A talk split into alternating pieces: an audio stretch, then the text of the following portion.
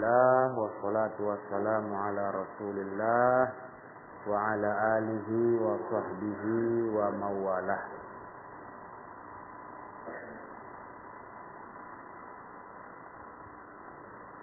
Uh, sekarang kita masuk hadis yang terakhir ya. Terakhir dari hadis-hadis tentang orang terzolimi ya ya kan? Orang terzolimi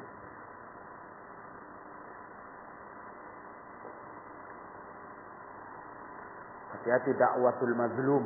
Doa orang terzolimi makbul. An abid duha. Qala. Jadi itu dari Abu Duha beliau berkata Istama'a Masruq wa Sutair ibnu Syaklin fil masjid. Berkumpul Masruq dan Sutair. Sutair bin Syakl. Kumpul di masjid.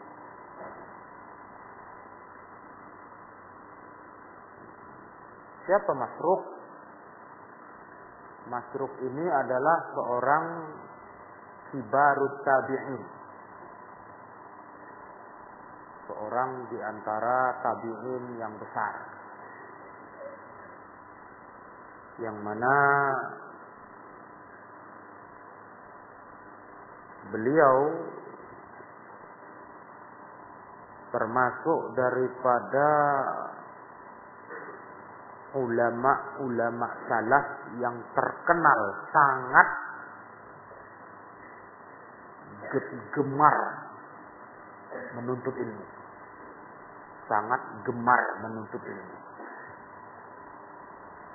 Terkenal yang masuk. Dipuji-puji oleh para ulama tentang beliau. Seorang yang sangat gemar menuntut ilmu. Maka beliau termasuk ulama yang fakih luar biasa. Masruk itu nama nama betul nama beliau. Masruk. Masruk isim apa? Dalam ilmu sorok. Isim Mas'ul. Fi'il madinya apa? Saroko ya ribu. Artinya apa? Hah? Sarik. Fi'il isim fa'il. Sarik. Apa artinya? Maling. Ya kan? Bahasa Arab maling pencuri, sarik. Masruk berarti artinya apa? Dimaling. Ya, sarik maling, pelakunya masruk dimaling. Jadi namanya dimaling. Iya betul, itu namanya dimaling. Kalian pikir artinya sesuai kejadiannya. Ceritanya ini orang ulama besar ini kecilnya dulu pernah diculik. Nah, itu dia. Dimaling, diculik. Paham dong? Dia diculik orang, Akhirnya ketemu lagi, dapat lagi. Nah, sejak itulah namanya diganti jadi si masruk. Nah, itu. Iya. Si maling dia, dicuri orang, diculik. Kalau istilah anak kan diculik ya kan. Nah, diculik, bukan dimaling kalau anak hilang, diculik. Nah, itu betul, itulah kejadiannya masruk. Dia diculik waktu kecil. Nah, kemudian ketemu lagi. Dah, sejak itu dia dinamakan Masruk. Masruk ibnul Ajda namanya. Masruk ibnul Ajda.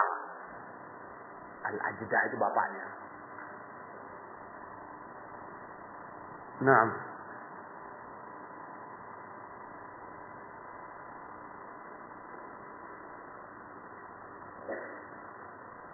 Kalau dikatakan kibar tabi'in berarti dia lahir di masa Nabi hidup. Cuma nggak ketemu. Kalau ketemu namanya apa? Sahabat. Ya kan? Kalau ketemu Nabi, sahabat. Dia nggak ketemu Nabi. Cuman hidup di zaman lahirnya hidup di zaman Nabi. Jadi Nabi masih hidup di Madinah misalnya kan. Dia lahir entah di mana gitu. Nggak jumpa. Makanya namanya Kibarut Tabi'in. Itu Masruk Ibnul Ajda.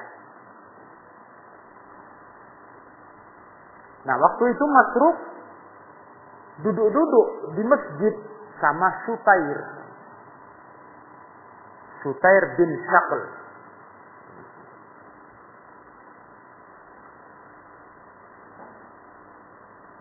Ketika itu fataqawwada fataqawwada ilaihima hilakul masjid.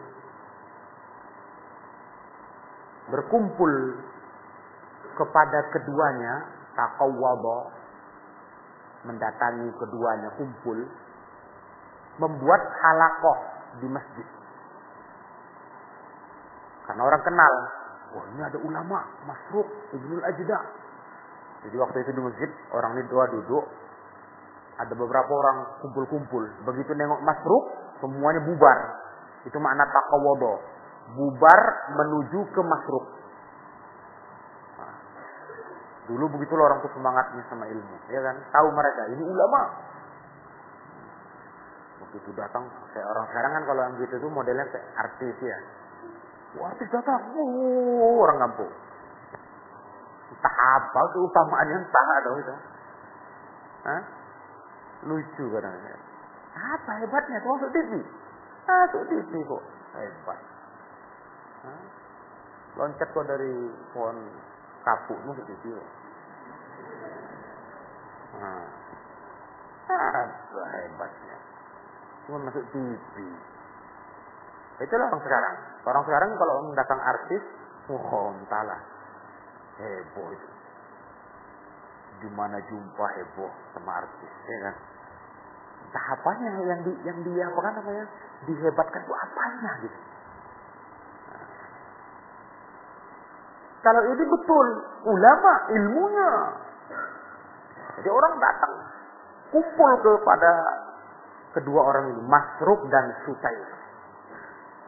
Zaman dulu begitu. Apa kata Masruk? Faqala Masruk. Masruk berkata kepada Susair.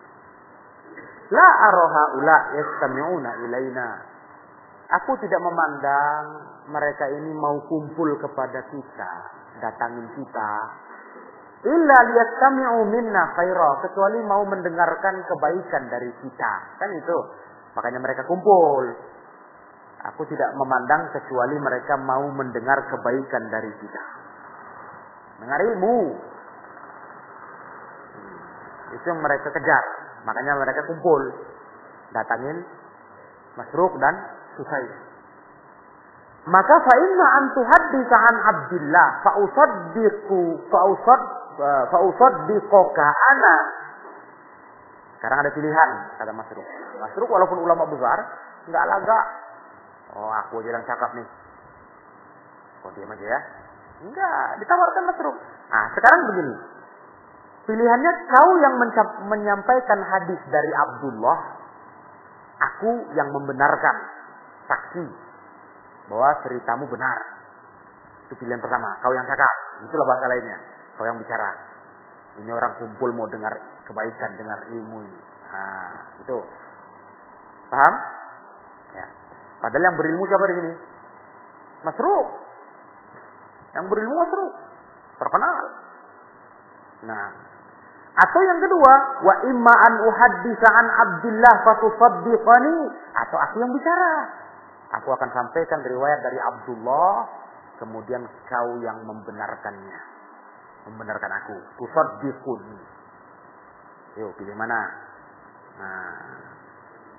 Jadi Masruk, Masya Allah ya, ulama dulu begitu. Ilmunya banyak, luas, sifatnya tawadu, rendah diri.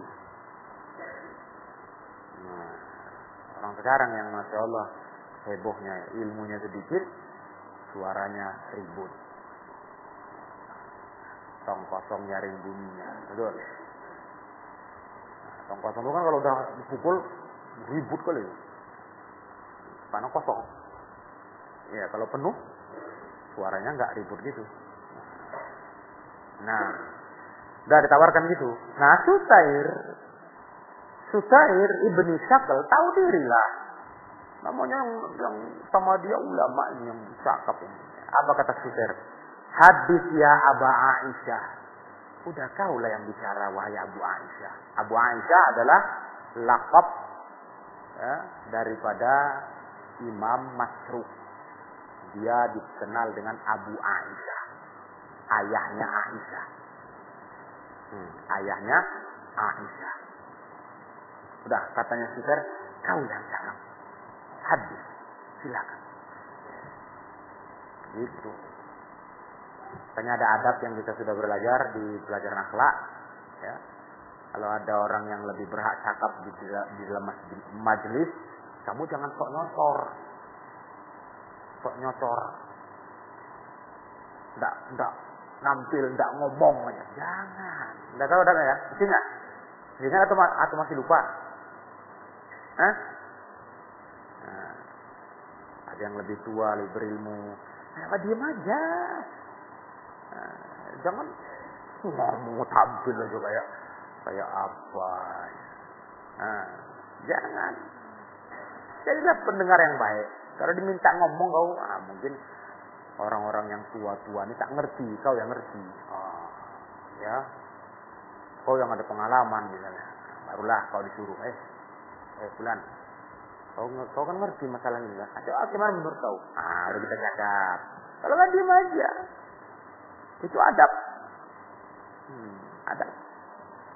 Tuh lihat tuh, ditawarkan pun Suhair bin Syakal dia nggak ngomong, tahu dia. Ah, kamu lah yang ngomong, katanya sama suruh. Hadis ya Aba Aisyah, kau yang ngomong. Lihat adab salah, perhatian kalian. Adab salah. Jadi mereka itu nggak sosok-sosok yang sok nampil diri, sok cari nama, biar terkesan hebat, terkenal. Nggak gitu salah salih ya. Ya, kita nggak usah cari terkenal di manusia ini, nggak ada gunanya. Nggak ada gunanya. Apa mau kalian dapatkan kalau terkenal? Pujian. Dengan pujian itu apa kalian dapat? Kerusakan yang kalian dapat. Karena kalau namanya manusia dipuji-puji, naik tinggi hati, naik sombong. Hancur kita kalau udah muncul sombong di hati. Kenapa kenapa begitu? Kata Nabi apa? La yadkhulul jannah man kana fi qalbihi mithqalu kibrin. Nah, masuk surga kau. Kalau ada sombong di hatimu, walaupun sebesar biji zarrah. Ya kan paling itunya dipuji. Wow, Ustaz pula misalnya kalau di, di, di dalam jalan agama. Ustaz pula. Nah, naik tinggi dirimu. Naik tinggi dirimu, sombongmu, tak masuk surga. Rugi. Hmm, itu makanya ulama salah dulu, masya Allah mereka nggak mau. Ya.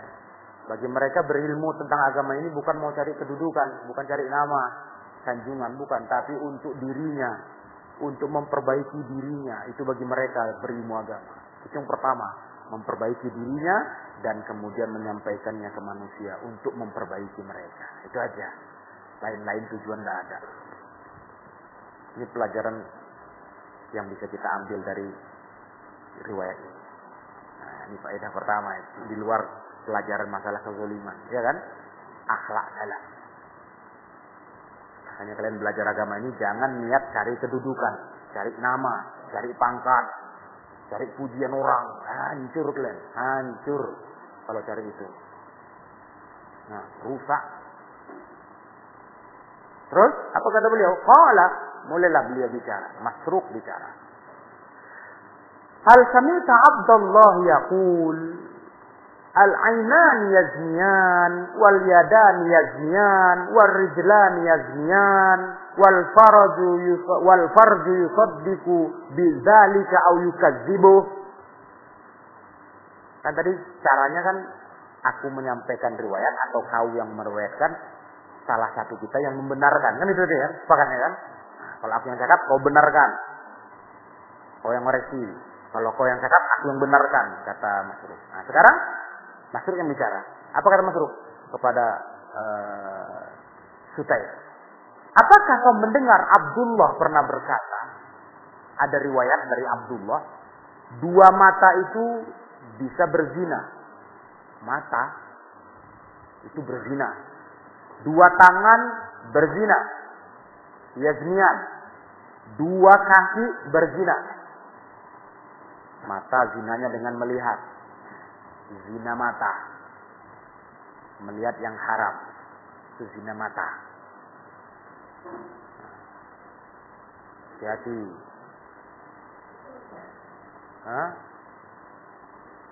Melihat yang haram dalam arti yang tak boleh ditengok sebetulnya.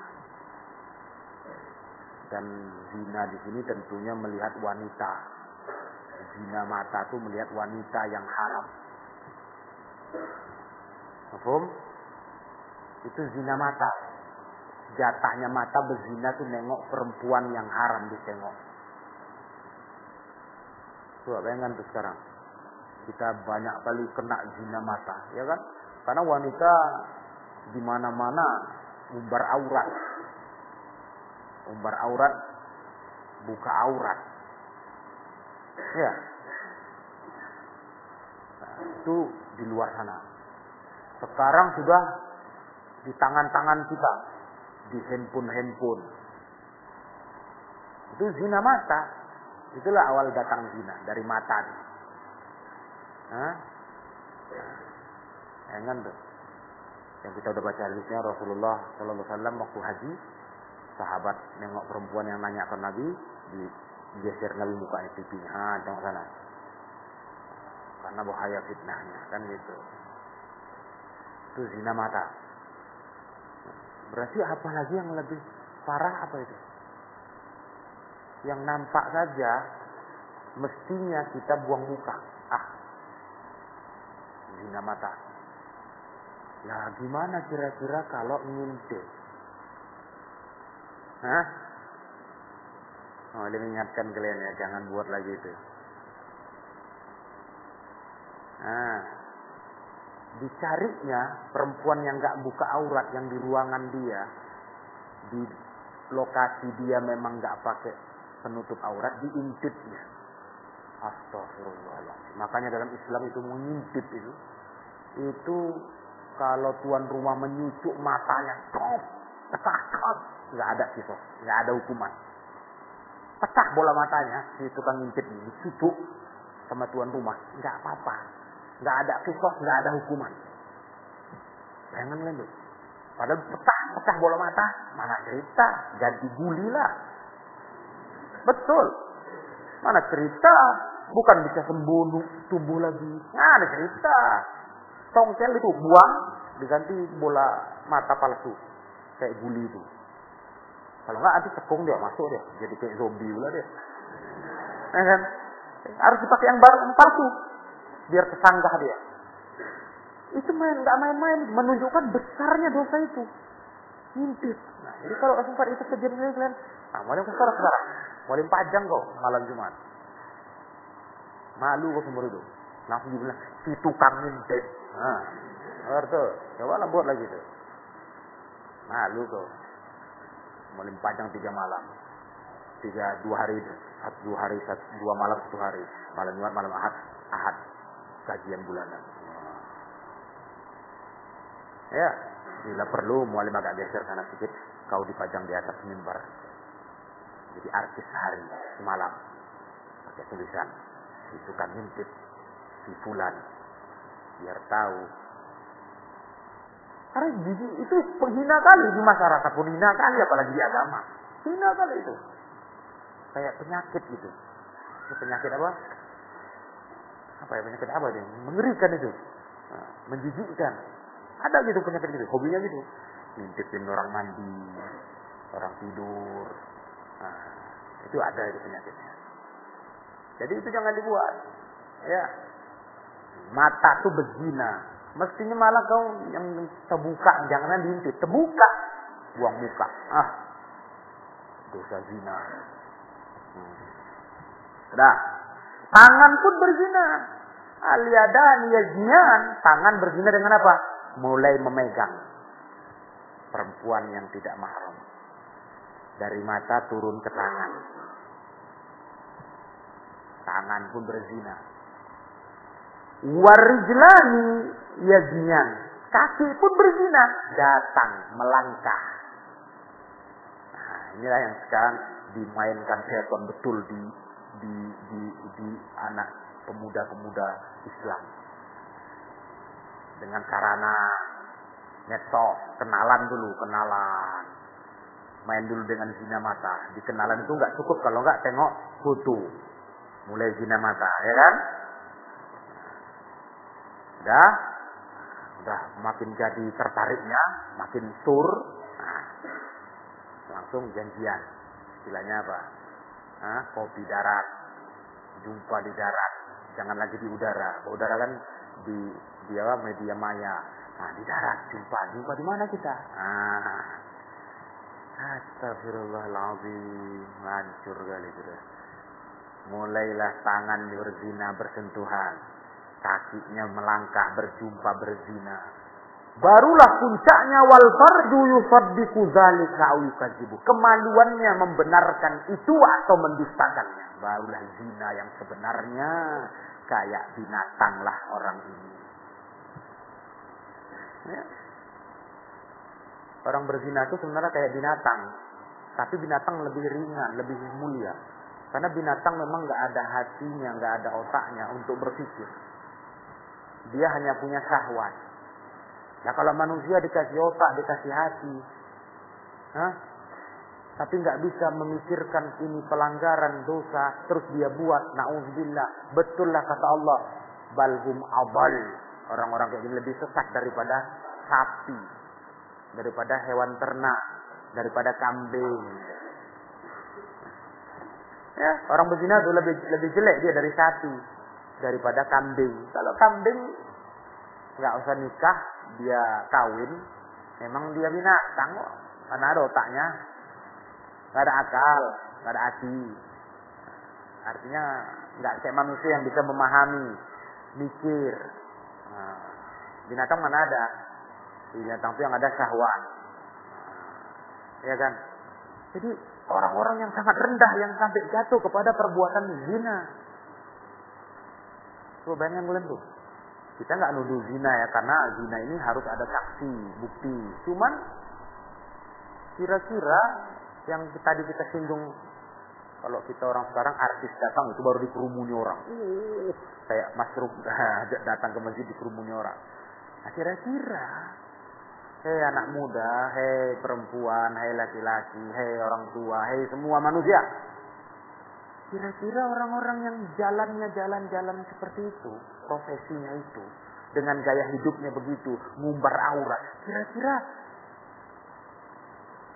mulianya dia di matamu. Hah?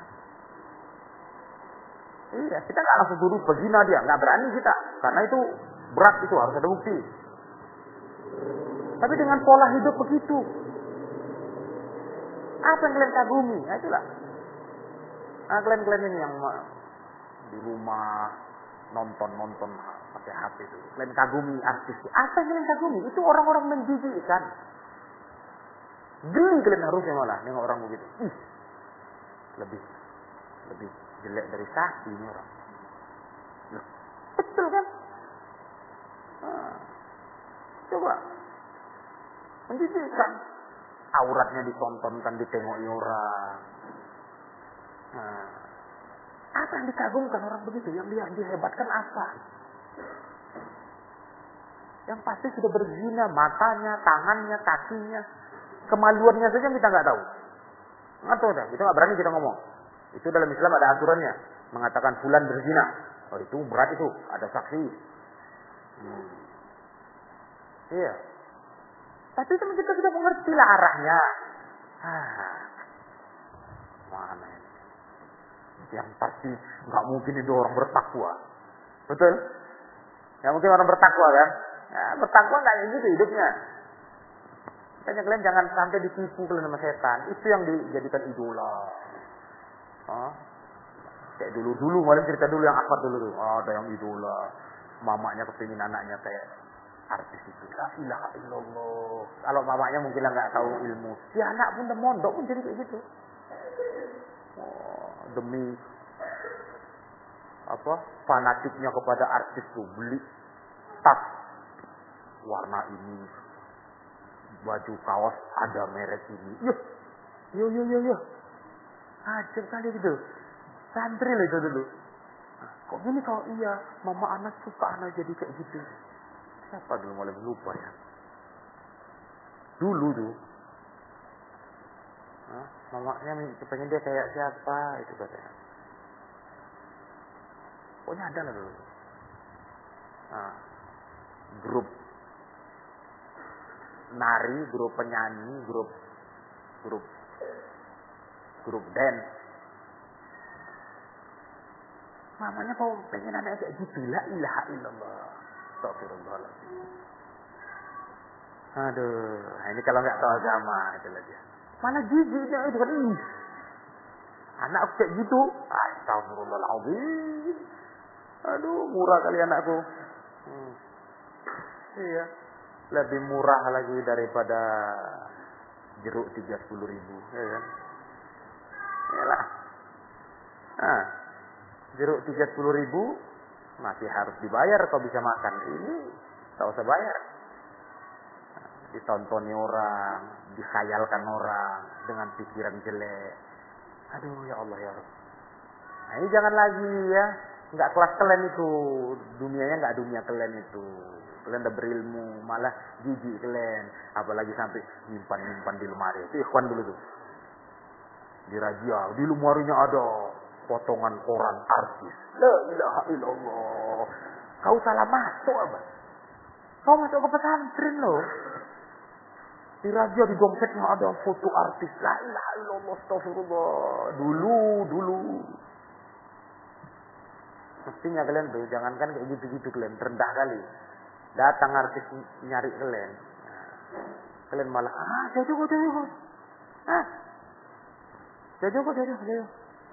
Itu bukan malah ngejar dia, bukan malah motongi gambarnya, ngantongi di dompet dulu, di razia dulu. Iya Allah. Di, ba di balik bajunya disimpannya. Mau ini udah orang udah sakit oh santri ini otak. Itu siapa ya tulabul ilm? Orang-orang rendah itu Orang-orang yang berzina dengan mata, tangan dan kakinya itu yang pasti. dan entah pula lah dengan kemaluannya, na'udzubillah. Nah, ini dah. Ini ada hadis begitu. Ya.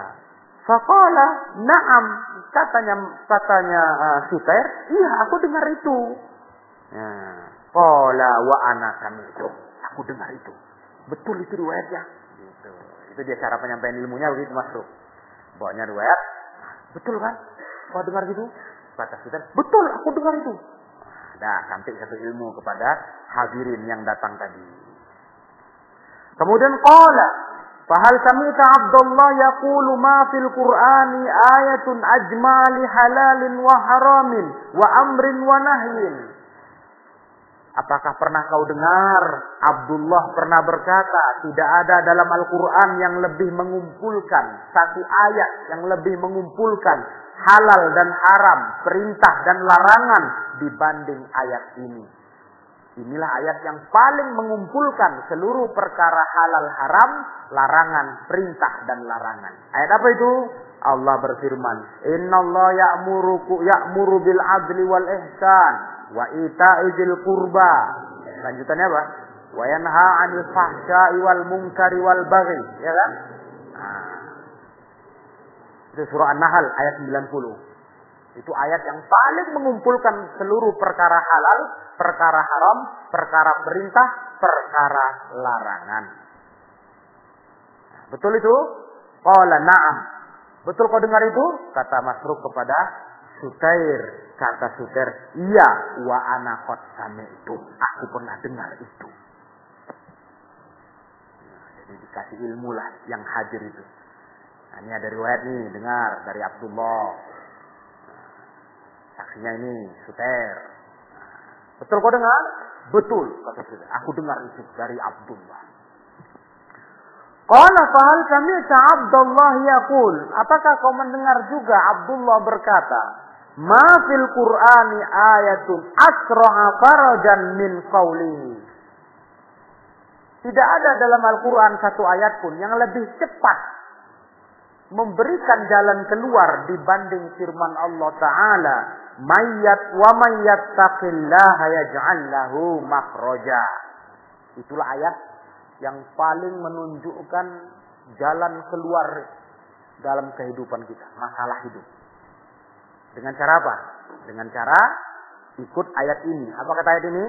Surah At-Tolak ayat 2. Siapa yang bertakwa kepada Allah, Allah berikan untuknya jalan keluar, solusi. Bertakwa kepada Allah, Allah berikan untuknya jalan keluar, solusi. Jadi kalau mau hidup ini mudah urusannya, lancar, ada masalah, ada jalan keluarnya, jadilah orang baik, orang bertakwa.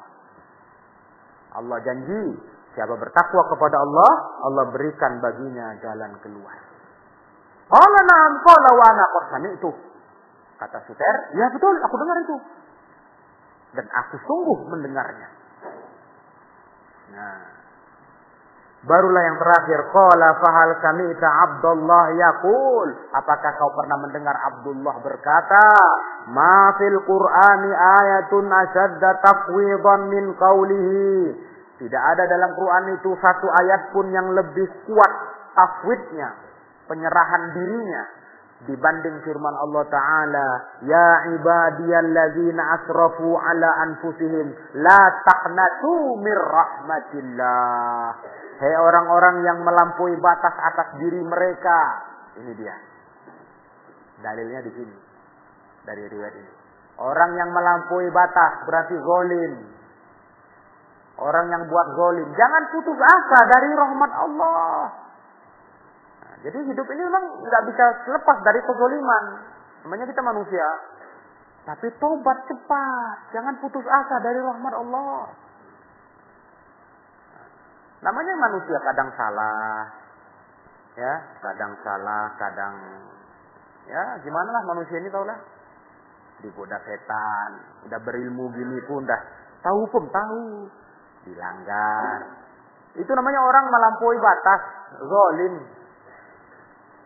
Allah ingatkan, jangan putus asa dari rahmat Allah. Tobat, kalau memang kita zalim, cepat tobat minta ampun sama Allah. Kalau urusan hamba sama Allah, tobat minta ampun. Kalau urusan hamba dengan hamba, apa caranya kemarin? Minta kerela, kerelaan. Pulangkan kalau kita golimi hartanya atau minta dia relakan. Kalau kita rusak namanya, kita minta kerelaan, maaf. Terus kita perbaiki namanya setelah itu. Gitu. Jangan putus asa, jangan ah udahlah nggak bisa lagi lah saya saya bisa baik bang saya nakal bang saya jahat nggak begitu Hah?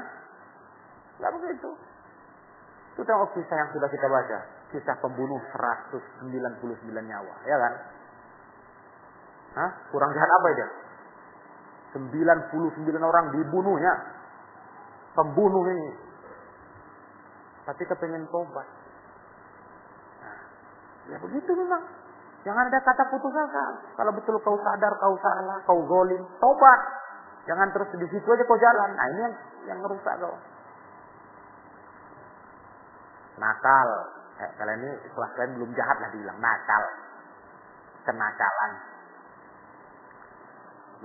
Jatuh kepada kenakalan, tobatlah. Berubah. Jangan diteruskan gitu, terus malah sok keren dengan kenakalan. Nah, Gimana itu? Tobatlah, astagfirullah, aku hilaf, aku silap. Ya kan? Itu kata orang Medan silap. Silap aku. Tobatlah, berubah. Tentu.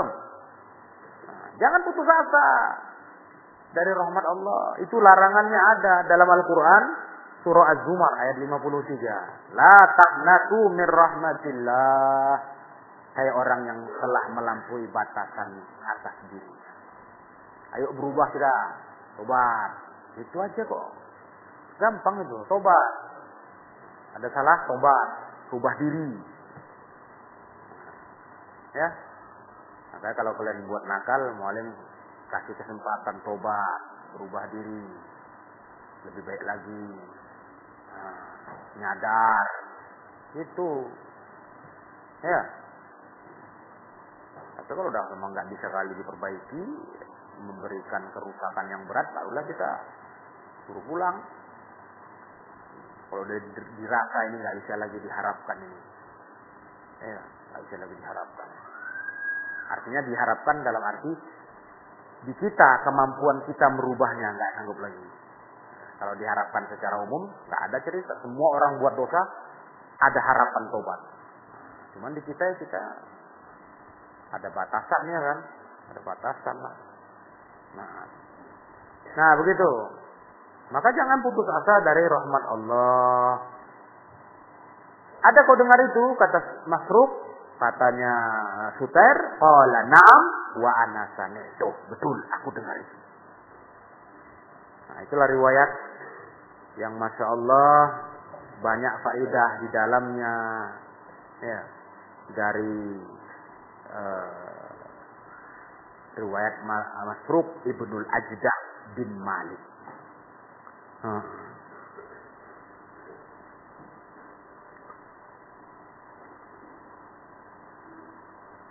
Uh, ada lagi satu lagi riwayat ya?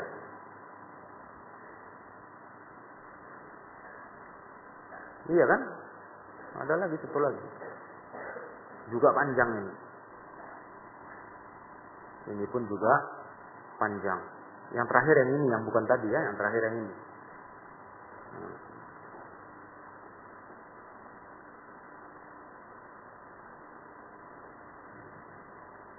Baik. Nanti yang satu lagi kita lanjutkan yang pelajaran berikutnya insya Allah.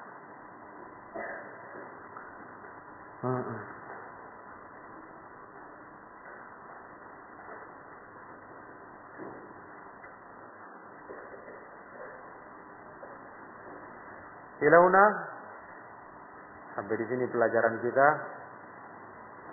Subhanakallahumma wa bihamdik asyhadu an la ilaha illa anta astaghfiruka wa atubu ilaik. Walhamdulillahi rabbil alamin.